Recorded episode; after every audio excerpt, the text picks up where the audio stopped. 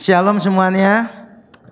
Salam sejahtera dalam kasih Tuhan kita Yesus Kristus. Saya bersyukur sekali lagi bisa ada di tempat ini. I'm so excited itu untuk ada di tempat ini dan karena saya sudah tes dan tidak ada masalah, saya mohon izin untuk melepaskan masker saya. Sebetulnya kalau saya melepaskan masker jadi kurang ganteng ya. Jadi saya sebenarnya lebih senang pakai masker ya. Oke. Tema kita hari ini adalah Allah yang melihat. Dan saya ingin memulai dengan sebuah kalimat yang saya selalu ulang-ulang di mana saja. Maafkan bagi Bapak Ibu Saudara yang telah kata menonton video saya di YouTube. Saya akan mengulang ini sekali lagi, yaitu di dalam dunia yang sudah jatuh ke dalam dosa, penderitaan dan kejahatan seharusnya tidak mengagetkan. Kebaikan sekecil apa pun itu adalah sebuah kejutan. Sekali lagi, di dalam dunia yang sudah jatuh ke dalam dosa, penderitaan dan kejahatan seharusnya tidak mengagetkan. Kebaikan, sekecil apa pun itu, adalah sebuah kejutan. Kita pasti seharusnya punya mindset seperti ini. Supaya kita itu tidak mudah jadi orang yang kaget-kagetan begitu. Ketika menderita kaget. Nah terus expect apa di dalam dunia yang sudah jatuh ke dalam dosa ini? Kalau kita lihat penderitaan kaget, lihat apa kaget. Kalau saya mengubah mindset saya dan itu sangat menolong saya. Kalau misalnya saya bangun pagi, saya lihat di cermin, saya kaget. Wih, orang berdosa masih bisa hidup. Loh kaget. Kalau saya mendengar, eh si A meninggal gitu. Saya biasa, oh kok tumben ya meninggal biasanya nggak pernah dia. Ya nggak mungkin lah kita akan bilang begitu ya. Oh saya menderita, saya dikecewakan sahabat saya misalnya begitu. Ada orang yang saya tolong akhirnya tidak mau untuk memperhatikan saya, mengapresiasi saya. Biasa aja kali ya. Dalam dunia yang sudah jatuh ke dalam dosa. Coba kita pikirkan siapa di antara kita yang tidak pernah menderita. Kita semua pasti menderita. Tapi saya akan membuat pertanyaan saya menjadi lebih spesifik lagi. Pernahkah kita menderita tanpa kita bersalah? Kita menderita bukan karena kita berdosa. Wah berapa kali saya alami. Saya naik mobil gitu. Eh ditabrak sepeda motor. Tabrak sepeda motor berhenti yang salah mobil. Saya tanya kenapa yang salah saya padahal saya yang ditabrak gitu. Jawabannya gini, karena kan lebih gede kendaraannya. Oh jadi maksudnya modelnya kakak adik nih ya. Lah iyalah katanya yang gede kakak gitu kan. Yang kecil adik. Lu dari mana bisa? Karena yang satu Yamaha yang satu Honda gitu kan. Itu saingan bukan kakak adik gitu kan. Yang ditabrak lebih dulu dibelinya udah lama banget. Sepeda motornya, mobilnya lebih baru. Tapi tetap aja jadi kakak untuk biayai. Saya merasakan begitu. Saudara juga pasti pernah lah mengalami momen-momen saudara salah, tan eh, menderita tanpa berbuat salah. Benar ya? Ketika saudara menderita tanpa berbuat salah, sakit nggak? Sakit. Susah dipahami nggak? Susah dipahami. Kadang-kala begitu. Kita sudah jaga prokes sedemikian rupa, eh tetap kena. Anggota keluarga kita bahkan ada yang meninggal dunia. Padahal semua sudah jaga prokes gitu. Ada orang yang nggak takut mati. Eh ternyata kematian takut sama dia. Nggak pernah didatangi oleh kematian. Kita jadi bertanya-tanya nih. Nah seandainya saya ubah pertanyaannya sedikit begini. Pernah tidak kita menderita karena kesalahan kita? Pernah juga pasti salah milih pacar ya kan? Dikecewakan. Ya salah milih suami istri menderita seumur hidupnya. Kadang kita salah untuk mengambil keputusan makanya kita menderita. Nah bagaimanapun kita menderita karena kita salah kita bisa berkata begini menderita karena kesalahan sendiri memang mudah untuk dipahami tetapi tetap sukar untuk dijalani. Kita semua sadarlah bahwa kadang-kala kita mengambil keputusan yang bodoh, kita mengambil tindakan yang sembrono, yang sembarangan, lalu kita menderita akibat tindakan itu, akibat kesalahan kita itu. Pasti kita pernah mengalaminya dan kita bisa paham Aku ngerti Tuhan, aku dulu bodoh banget. Sudah dikasih tahu banyak orang, jangan pacaran sama orang ini. Orang ini tuh playboy, orang ini predator dan sebagainya. Tapi aku tutup mataku karena cintaku kepada dia. Nah setelah menikah baru tahu ternyata lebih buruk daripada omongan orang. Wah salah mengambil keputusan karena kesalahan sendiri. Tapi mudah dipahami ya, mudah dipahami. Salah mendapat hukuman. Tapi tetap tidak mudah untuk dijalani. Mungkin ada di antara kita yang menderita dalam tipe yang kedua ini.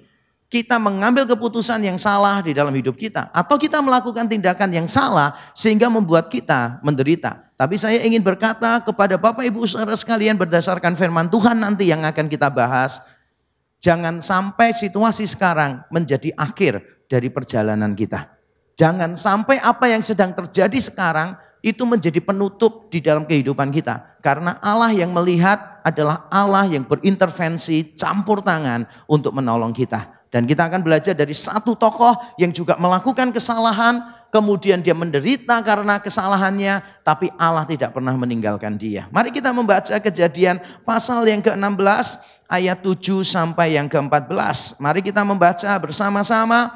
Ayat yang ganjil akan dibaca oleh yang menderita, ayat yang genap dibaca oleh yang hidupnya bahagia ya. Silakan yang menderita mulai lebih dahulu. Nggak ada ya yang menderita luar biasa ya, luar biasa. Saya baca aja kalau gitu yang ganjil ya. Lalu malaikat Tuhan menjumpainya dekat suatu mata air di padang gurun, yakni dekat mata air di jalan ke Syur. Ayat 8, katanya, Hagar hamba Sarai, dari manakah datangmu dan ke manakah pergimu? Jawabnya, aku lari meninggalkan Sarai, nyonyaku. Lalu kata malaikat Tuhan itu kepadanya, kembalilah kepada nyonyamu, biarkanlah engkau ditindas di bawah kekuasaannya Lalu kata malaikat Tuhan itu kepadanya, Aku akan membuat sangat banyak keturunanmu sehingga tidak dapat dihitung karena banyaknya. Selanjutnya kata malaikat Tuhan itu kepadanya, engkau mengandung dan akan melahirkan seorang anak laki-laki dan akan menamainya Ismail sebab Tuhan telah mendengar tentang penindasan atasmu itu. Seorang laki-laki yang lakunya seperti keledai liar, demikianlah nanti anak itu. Tangannya akan melawan tiap-tiap orang dan tangan tiap-tiap orang akan melawan dia dan di tempat kediamannya ia akan menentang semua saudaranya.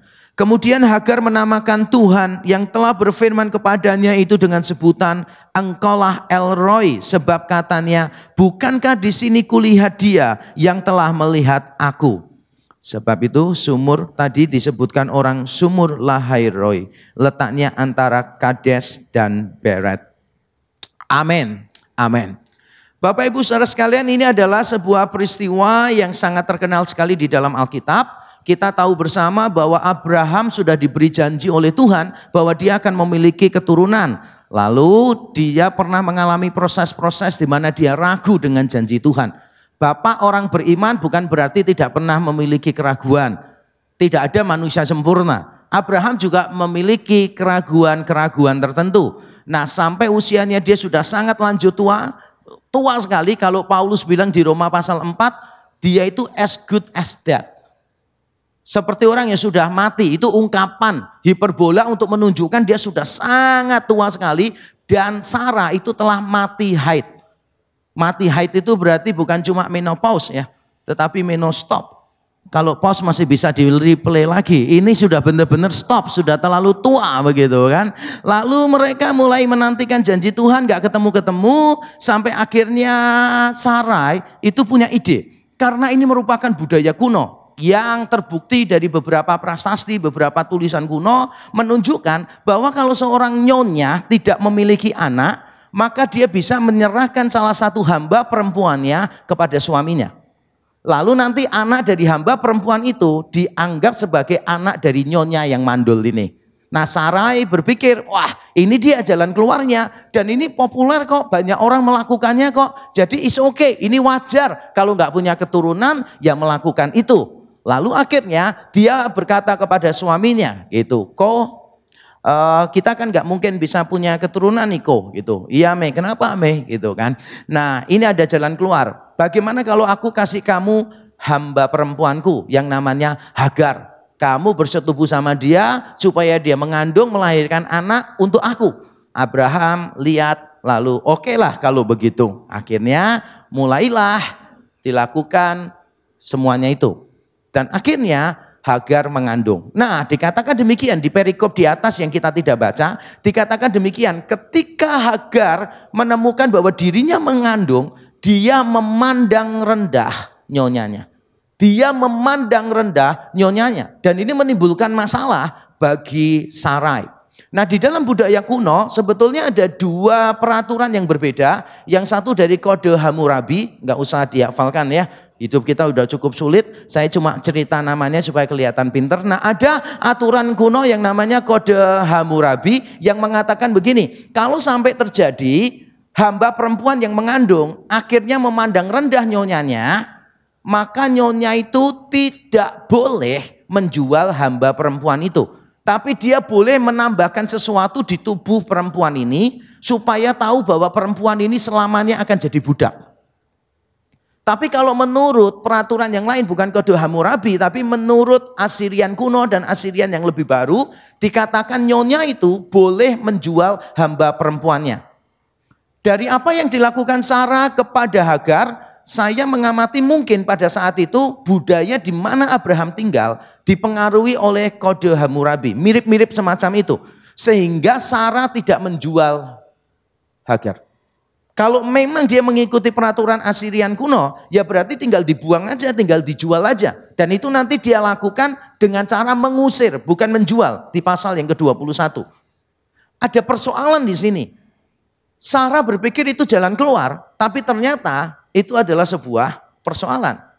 Karena Sarah tidak percaya pada janji Tuhan. Abraham juga tidak percaya pada janji Tuhan menerima perkataan istri. Dan itu persoalan dari dulu sebetulnya ya ketika Adam memakan buah yang dilarang, coba Tuhan menegur Adam bagaimana di kejadian tiga?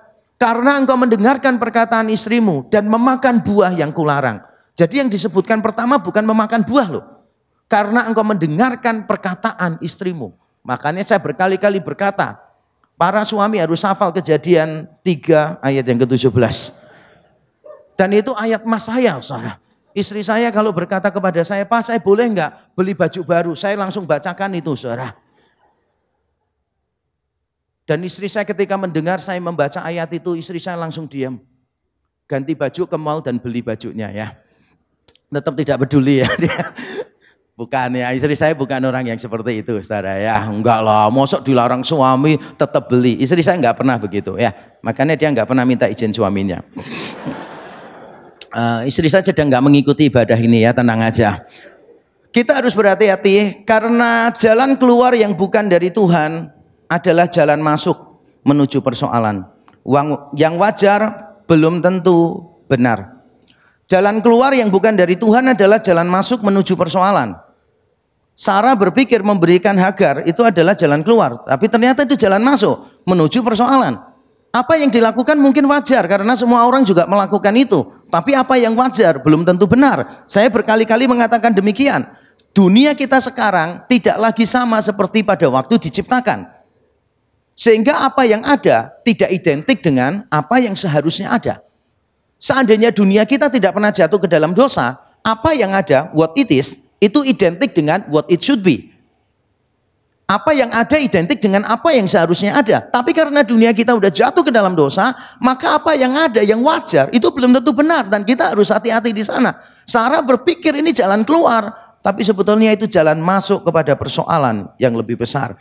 Dan Hagar ketika tahu bahwa dia hamil, dia memandang rendah nyonyanya. Karena pada waktu itu bisa punya anak itu adalah hal yang sangat penting di dalam budaya kuno. Itu sangat penting. Bahkan kalau melihat orang anaknya banyak itu semakin dihormati gitu. Melihat orang anaknya banyak tuh waduh orang ini diberkati Tuhan gitu kan ya. Posisinya tambah naik. Kalau sekarang kan enggak. Anaknya berapa? Empat. Aduh kasihan ya gitu kan. Laki atau perempuan semuanya laki. Aduh yang tabah ya gitu kan ya. Karena dia berpikir punya anak satu aja sudah menderita gitu kan. Jadi semua orang tuh dianggap sama kayak anaknya dia.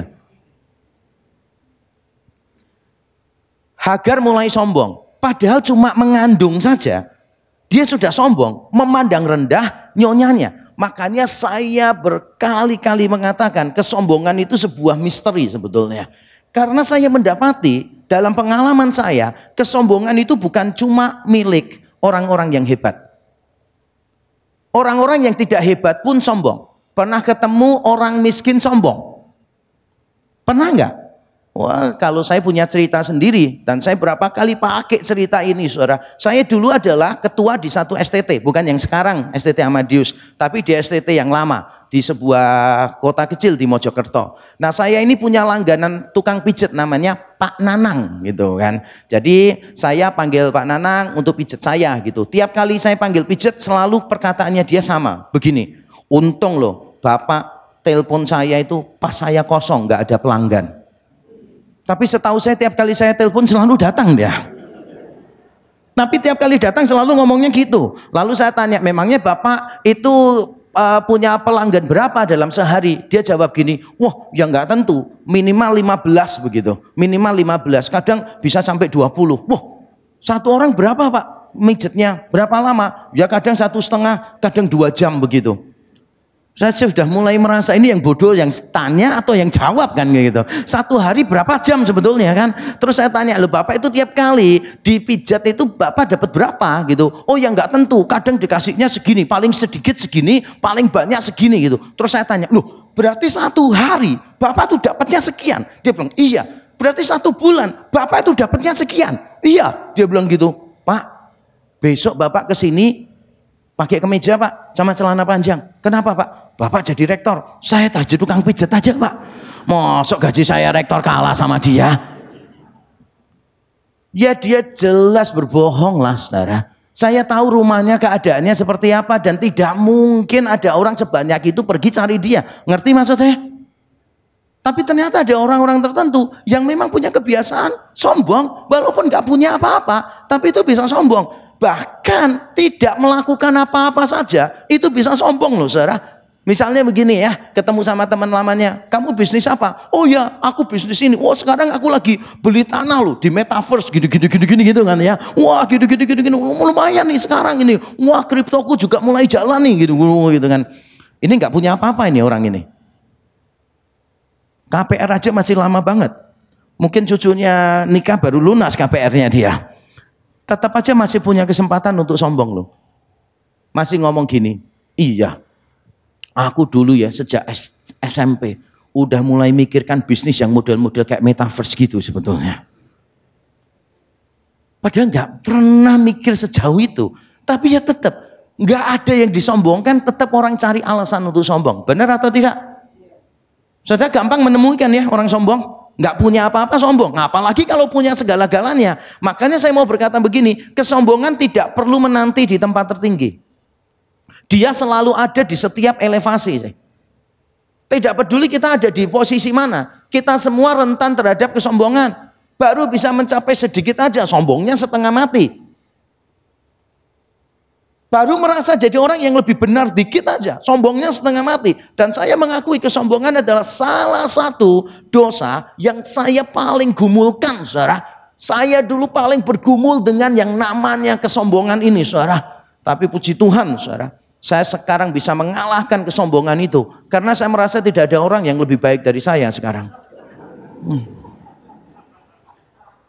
Ironis banget ya perkataan saya. Tapi itulah kita, benar atau enggak sih? Kalau ngomongnya puji Tuhan loh ya, waduh kalau tanpa Tuhan aku nggak bisa sehebat ini bla bla bla bla bla bla bla. Akhirnya orang menangkap kesan yang hebat kita, bukan Tuhannya. Kita lupa untuk cerita kelemahan kita, keterpurukan kita dan sebagainya. Berapa kali orang tanya kepada saya, Pak, ya aku pernah putus asa nggak dalam pelayanan? Pernah momen-momen nangis nggak begitu? Saya bilang, pernah lah. Masa ada orang yang nggak pernah putus asa? Masa orang yang nggak pernah takut? Masa orang nggak pernah khawatir? Pernahlah. Karena itu perjalanan dari kita sebagai anak-anak Tuhan.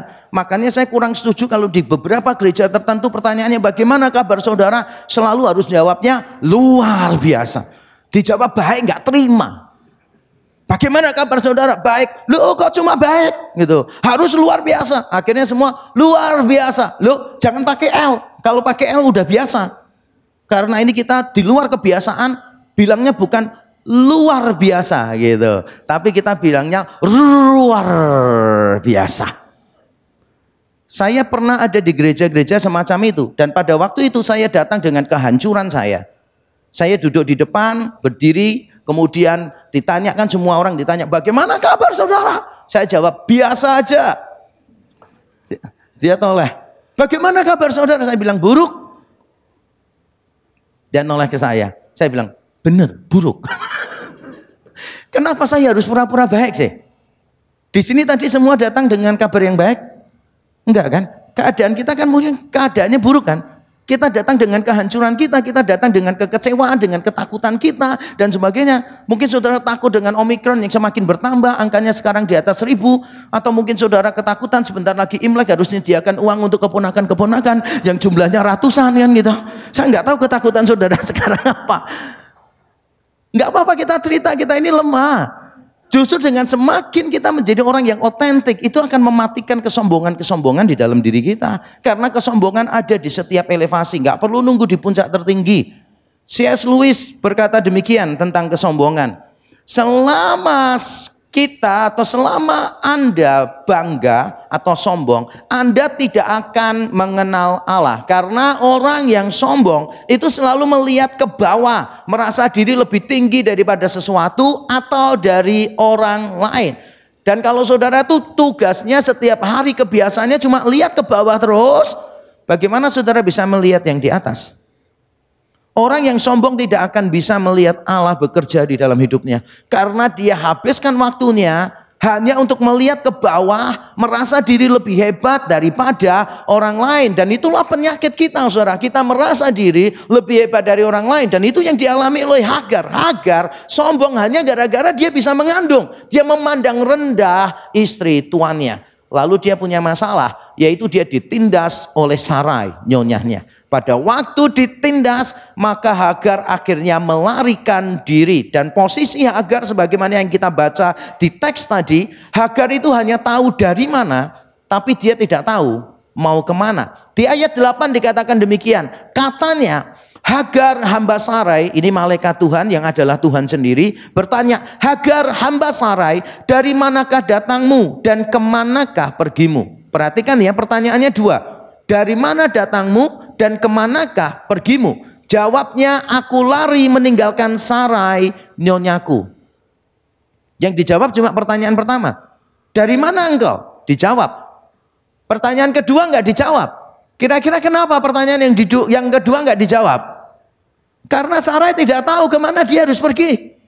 Beberapa orang mengatakan demikian. Mungkin Sarah ini tahu mau pergi ke mana. Karena daerah Syur itu menuju ke Mesir. Asal dari Hagar. Hagar mungkin tahu mau ke mana. Yaitu kembali ke tempatnya dia di Mesir. Tapi mungkin dia tidak yakin bisa mencapai sana. Kondisi mengandung di tengah padang gurun dengan perjalanan yang panjang semacam itu akan sangat menyulitkan sekali. Dan kita melihat gambaran yang ironis.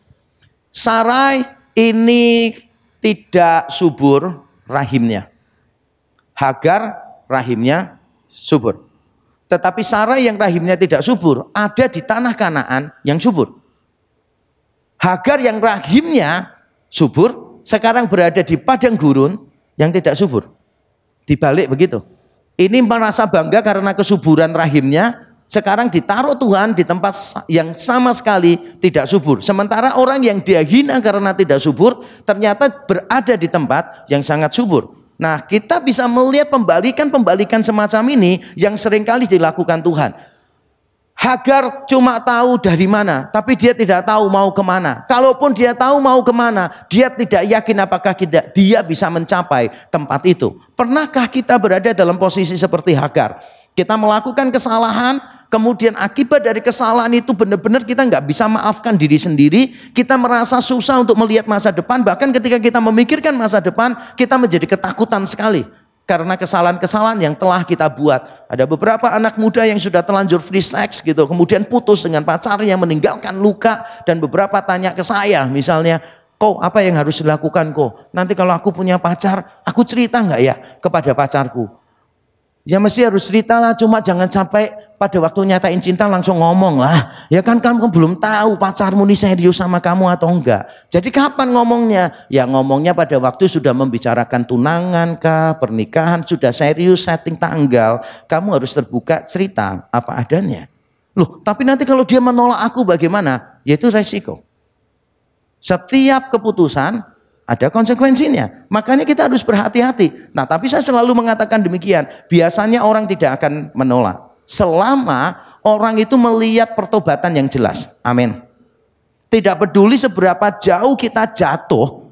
Yang penting orang lain melihat ada pertobatan. Orang lain mudah memberikan belas kasihan. Tapi kalau kita nggak pernah berhenti berbuat dosa, semakin sulit bagi orang lain untuk memberikan belas kasihan kepada kita. Jadi tetap ada harapan. Mungkin kita berada dalam situasi seperti itu. Atau mungkin kita telah melakukan kesalahan yang begitu fatal sehingga kita nggak bisa melanjutkan hidup kita ke kesulitan. Kita membayangkan masa depan aja menyakitkan dan sangat menakutkan bagi kita.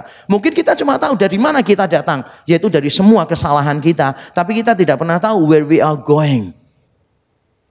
Karena saudara takut menatap masa depan. Hagar dalam posisi seperti itu. Lalu malaikat Tuhan yang adalah Tuhan sendiri datang kepada Hagar. Kira-kira kalau Bapak Ibu Saudara jadi Hagar, Bapak Ibu Saudara itu ingin malaikat Tuhan ngomong apa? Inginnya ngomong apa? Coba pikirkan sebentar. Pikirkan tiga permintaan kalau ketemu malaikat Tuhan. Tidak usah gosok botol, langsung tiga permintaan. Kira-kira mintanya apa? Saya membayangkan ya, Hagar itu ketika berjumpa malaikat Tuhan, malaikat Tuhan akan berkata begini, Hagar jangan takut, engkau ditindas oleh nyonyahmu. Tapi sebentar lagi nyonyahmu yang tua bangka itu akan aku bunuh sekalian. Kamu akan jadi nyonya besar di rumah itu. Woi keren banget ya kalau begitu kan. Atau misalnya gini, Hagar jangan khawatir. Aku akan mengadakan mujizat-mujizat yang akan melindungi engkau. Engkau pulang saja ke Mesir. Aku akan membuat engkau jadi keluarga yang besar. Keluarga yang jaya sentosa di laut dan di udara. Luar biasa kan? Ternyata enggak ya. Ternyata enggak. Yang dikatakan Tuhan begini. Hagar kembalilah ke nyonyahmu itu. Dan kembalilah biarlah kamu ditindas di bawah kekuasaannya. Biarlah kamu ditindas di bawah kekuasaannya. Wow. Ini sudah ditindas lari. Tuhan bilang gak apa-apa, balik aja. Biarkan dirimu ditindas. Kalau dalam bahasa Indonesia itu di bawah kekuasaannya. Tapi kalau dalam bahasa Ibrani lebih jelas sebagaimana yang diterjemahkan dalam berbagai versi Inggris. Yaitu di bawah tangan dari nyonyamu itu. Submit thyself under her hands. Di dalam King James Version-nya begitu. Dan sebelum perikop ini, Sarah marah-marah kepada Abraham, mau menindas Hagar dan Abraham berkata begini di ayat yang ke-6. But Abraham said unto Sarai, Behold, thy maid is in thy hand. Abraham mengatakan ini loh hamba perempuanmu berada di dalam tanganmu. Lalu sekarang ditindas di dalam tangan itu ditindas. Lalu dia lari, ketemu malaikat Tuhan. Malaikat Tuhan berkata, balik aja kamu rendahkan dirimu di bawah tangan nyonyahmu. Wow. Penghiburan banget ya. Penghiburan banget, ngerti nggak sih? Jadi ketika saudara misalnya bertengkar sama suami, suami KDRT dan sebagainya, saudara lari gitu kan ya. Wah, sudah melarikan diri gitu kan. Kemudian berjumpa dengan Tuhan. Tuhan berkata, "Eh, balik yuk ke suamimu." nggak menghibur sama sekali ya. Hagar ingin keluar dari masalah, ingin lepas dari masalah. Tapi Tuhan berkata, no, no, no, no, no. Kamu balik hadapi masalahmu. Kita sering kali punya konsep yang salah tentang masalah. Kita harus tahu bahwa jalan keluar kadangkala tidak diperlukan. Hanya ketaatan dan keyakinan yang dibutuhkan. Salah satu kalimat yang saya yakini dan saya ajarkan di mana-mana adalah begini. Di mana kamu jatuh, di situ kamu berdiri. Di mana kamu jatuh, di situ kamu berdiri. Artinya saya mengajarkan anak-anak saya dan diri saya untuk bertanggung jawab tidak lari dari persoalan. Kita ini cenderung semuanya lari dari persoalan. Kita merasa nyaman ketika kita lari dari persoalan. Dan itulah yang terekspresi di dalam doa-doa orang Kristen. Kita sering kali kalau berdoa minta Tuhan untuk mengambil masalah kita. Bukan minta Tuhan untuk memberi kita kekuatan bertahan di dalam persoalan. Kalau Tuhan memberikan dua macam jalan keluar. Satu, kita dibebaskan dari persoalan. Kedua, kita diberi kekuatan untuk menghadapi persoalan. Kalau saudara hanya boleh pilih satu, saudara pilih mana? Jujur aja ya, kita kepengennya lepas dari persoalan. Kita kepengennya lepas dari persoalan. Padahal di sini Tuhan mengajar Hagar untuk taat dan yakin terhadap janji Tuhan. Taat dan yakin terhadap pimpinan Tuhan. Balik, balik. Salah satu prinsip hidup saya juga saya berkata begini saudara, tidak peduli jalan seperti apa yang saya lalui. Yang penting dengan siapa saya berjalan, yaitu dengan Yesus, gembala agung. Yang telah menyerahkan nyawanya untuk saya. Tidak peduli jalan seperti apa yang aku lalui. Yang penting dengan siapa aku berjalan. Itu yang seharusnya menjadi prinsip di dalam hidup kita. Tapi kita sering kali minta jalannya yang lapang tanpa masalah, tanpa persoalan.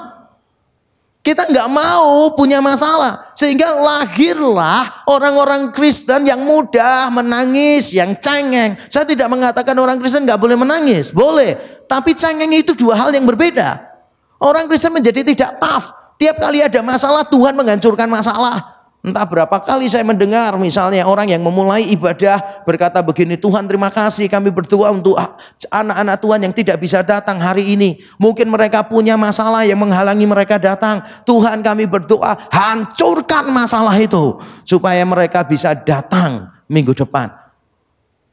Waktu tidak datang, divisitasi ditanya, kenapa enggak datang? Oh ya, anak saya sakit keras. Untung enggak dihancurkan Tuhan anaknya.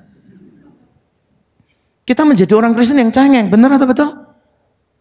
Selalu mintanya lepas dari masalah.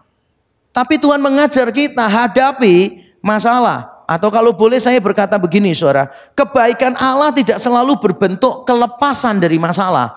Tetapi selalu kemenangan atas masalah. Tidak selalu bentuknya kelepasan dari masalah. Tetapi selalu kemenangan atas masalah. Amin. Saudara mau menang atas masalah enggak? Kalau mau menang berarti dihadapi enggak? Kalau saudara lari itu namanya bukan menang. Banyak orang Kristen kepengennya lebih dari pemenang.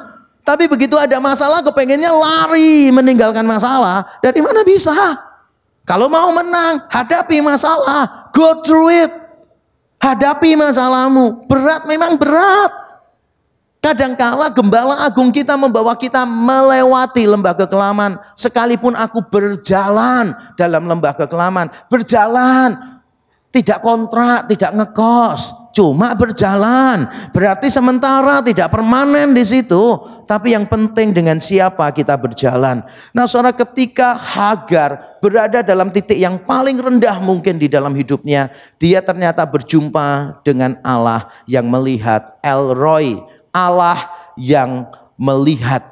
Tapi Allah yang melihat di sini bukan cuma melihat biasa, tapi saya akan menerangkan Allah yang melihat di sini adalah Allah yang penuh dengan rahmat. Allah yang melihat adalah Allah yang penuh dengan rahmat. Ayat yang ke-13 dalam bahasa Indonesia diterjemahkannya, bukankah aku telah melihat Allah yang melihat aku?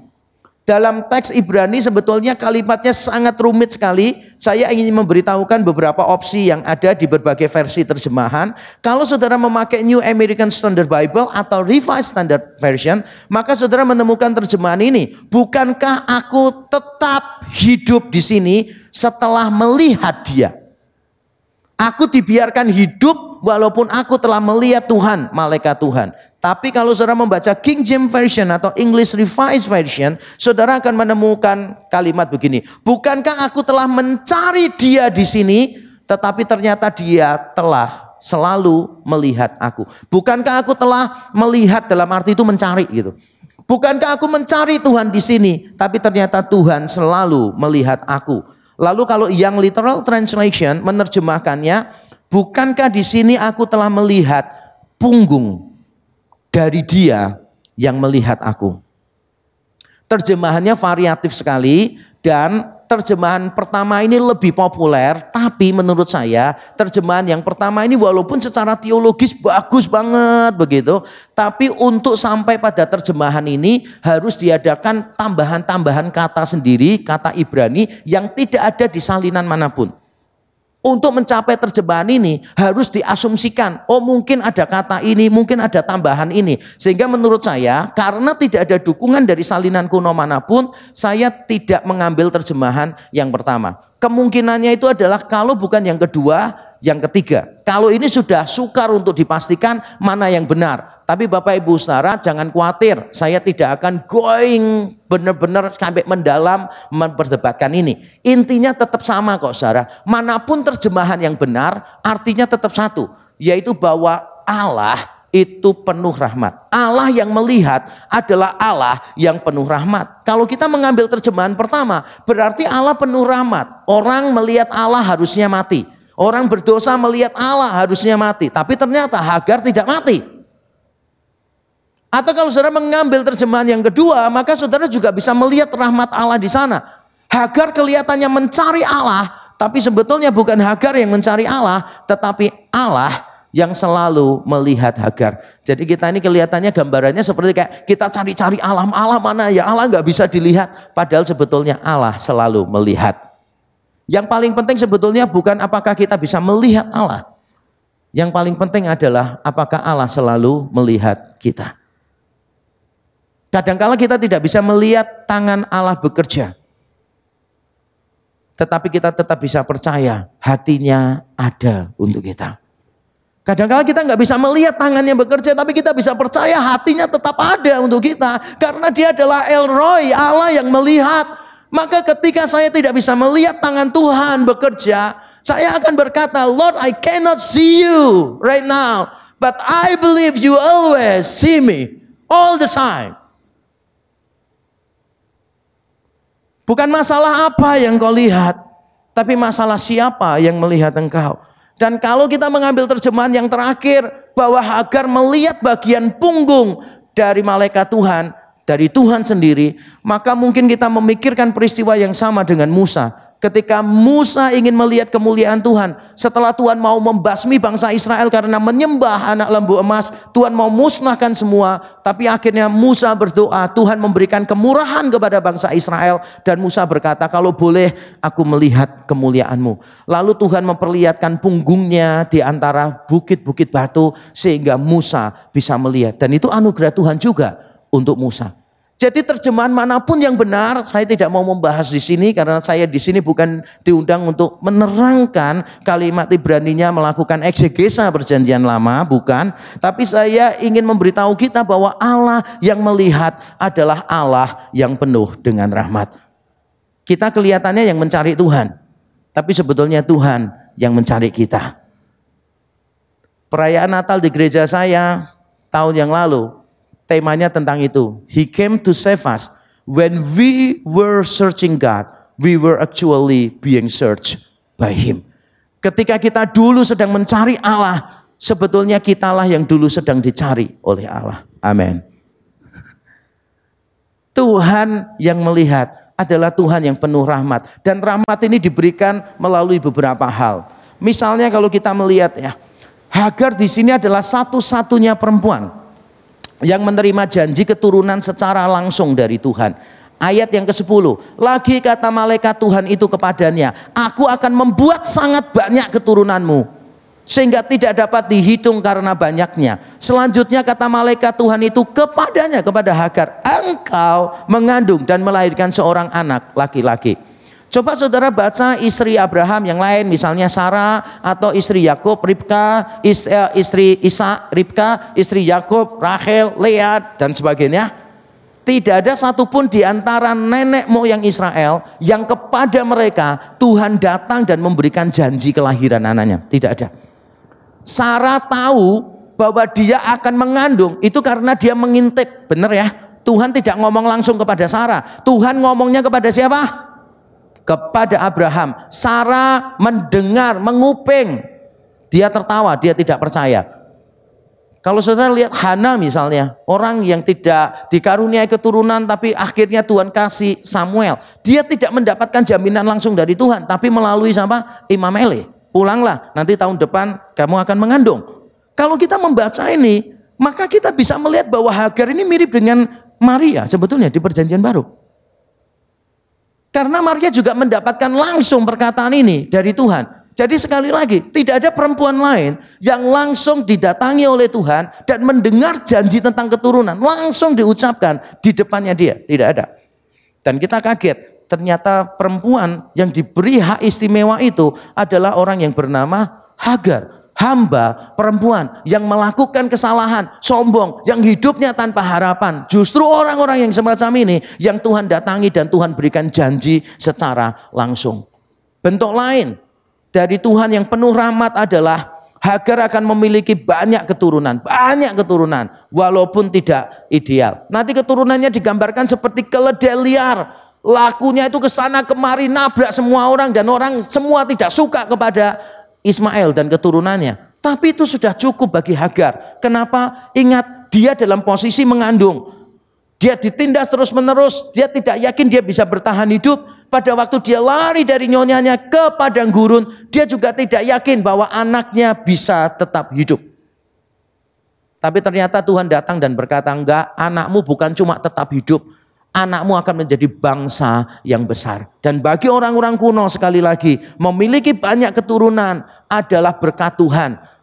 Banyak anak, banyak rezeki, banyak tenaga kerja soalnya. Banyak anak berarti kekayaan. Anak-anaknya itu nanti bisa menjadi pekerja, punya tanah ini itu, membuka hutan untuk dijadikan lahan, dan seterusnya. Banyak anak adalah berkat yang luar biasa. Walaupun anaknya bukan seperti yang baik-baik, yang ideal, tapi toh bagi Hagar itu sudah cukup. Bagi Hagar itu sudah cukup. Ketika dia diberitahu anakmu nanti seperti keledai liar. Dia tidak menawar, Tuhan gak bisa kah jadi seperti anjing yang lucu gitu. Dia sudah cukup, jadi keledai liar pun sudah cukup bagi Hagar. Dan yang terakhir saudara, bentuk anugerah Tuhan, rahmat Tuhan untuk Hagar adalah Hagar menjadi satu-satunya tokoh Alkitab di dalam kejadian terutama yang memberi nama untuk Tuhan. Saya bacakan ayat 13. Kemudian Hagar menamakan Tuhan yang telah berfirman kepadanya itu dengan sebutan engkaulah El Roy, Allah yang melihat sebab katanya bukankah di sini kulihat dia yang telah melihat aku. Biasanya orang itu menyebut nama Tuhan. Biasanya orang menyebut nama Tuhan.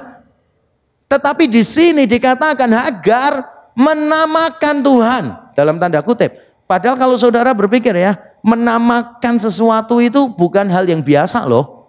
Menamakan sesuatu itu hal yang penting luar biasa. Misalnya ini, Adam diberi Tuhan wewenang untuk memberi nama binatang-binatang, untuk memberi nama istrinya, untuk memberi nama ini dan itu. Tuhan ketika menciptakan hari pertama sampai terakhir Tuhan memberi nama dari apa yang dia ciptakan. Memberi nama di kitab kejadian itu bukan tindakan yang sepele. Tapi di sini kita melihat Hagar menamakan Tuhan. Dan Tuhan tidak keberatan. Amazing banget. Tuhan tidak berkata begini, kamu tuh siapa? Kamu tuh hamba perempuan, kamu tuh orang berdosa, kamu punya masalah, sedang menderita. Kamu kok menamakan aku? Kamu tuh seharusnya menyebut namaku, bukan menamakan aku. Tapi luar biasa di dalam kisah ini tidak ada teguran untuk Hagar. Karena bagi Tuhan yang paling penting adalah Hagar menemukan Tuhan yang sebenarnya. Hagar berjumpa dengan Tuhan yang melihat hidupnya. Saudara, mungkin kita berada dalam situasi yang sama seperti Hagar sekali lagi. Kita mungkin dalam persoalan yang berat dan mungkin itu karena kesalahan kita sendiri, karena kebodohan kita sendiri. Mungkin kita nggak bisa mengampuni diri kita sendiri. Saya berjumpa dengan beberapa orang begitu, saudara. Ngambil keputusan dan dia sesali. Dia bilang begini, Pak kalau saya boleh jadi bayi lagi. Saya tidak mau mengambil keputusan itu. Pak saya sebetulnya kalau boleh mengubah satu hal saja di dalam hidupku. Aku akan mengubah keputusanku yang itu. Begitu bodoh, begitu begitu aku sesali, aku nggak bisa memaafkan diriku sendiri. Mungkin saudara berada dalam situasi seperti itu, tapi itu bukan akhir dari perjalanan hidup saudara. Mungkin saudara merasa saudara berada di dalam titik yang paling bawah di dalam hidupmu dan engkau putus asa, maka saya akan berkata begini kepada saudara sesuai dengan firman Tuhan. Tidak peduli sekeras apa pun kita jatuh, toh kita akan jatuh ke tangan Tuhan yang lembut. Saya pernah jatuh, saudara pernah jatuh, kita semua pernah jatuh. Kita pernah terpuruk di dalam pelayanan saya berapa kali dulu saudara di tempat pelayanan yang lama. Saya tiap hari cuma bisa telentang di atas tempat tidur saya. Air mata saya keluar.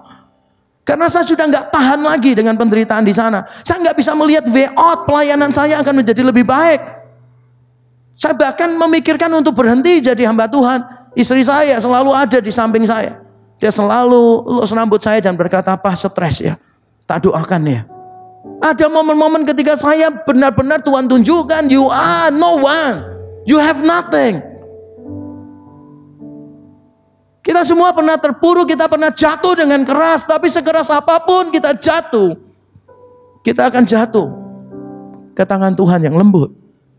Karena Tuhan itu adalah Tuhan yang melihat dan saudara tahu di atas kayu salib Bapak memalingkan muka dari anaknya supaya kita yang berdosa bisa melihat wajahnya.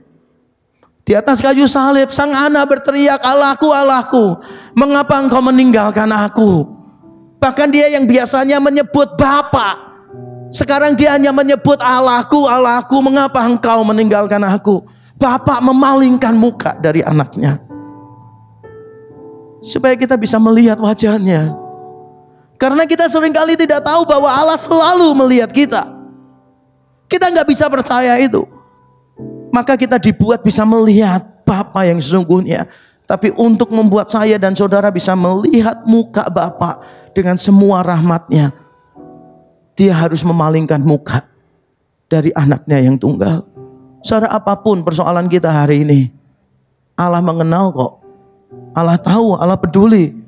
Mungkin saudara merasa saya mencari Tuhan kok nggak ketemu. Karena Tuhan memang nggak perlu dicari. Tuhan sekarang melihat dan menemukan engkau hari ini. Allah melihat engkau. Dan engkau melihat Allah di dalam Kristus Yesus. Kasihnya cukup untuk kita semua. Mari kita berdoa bersama-sama.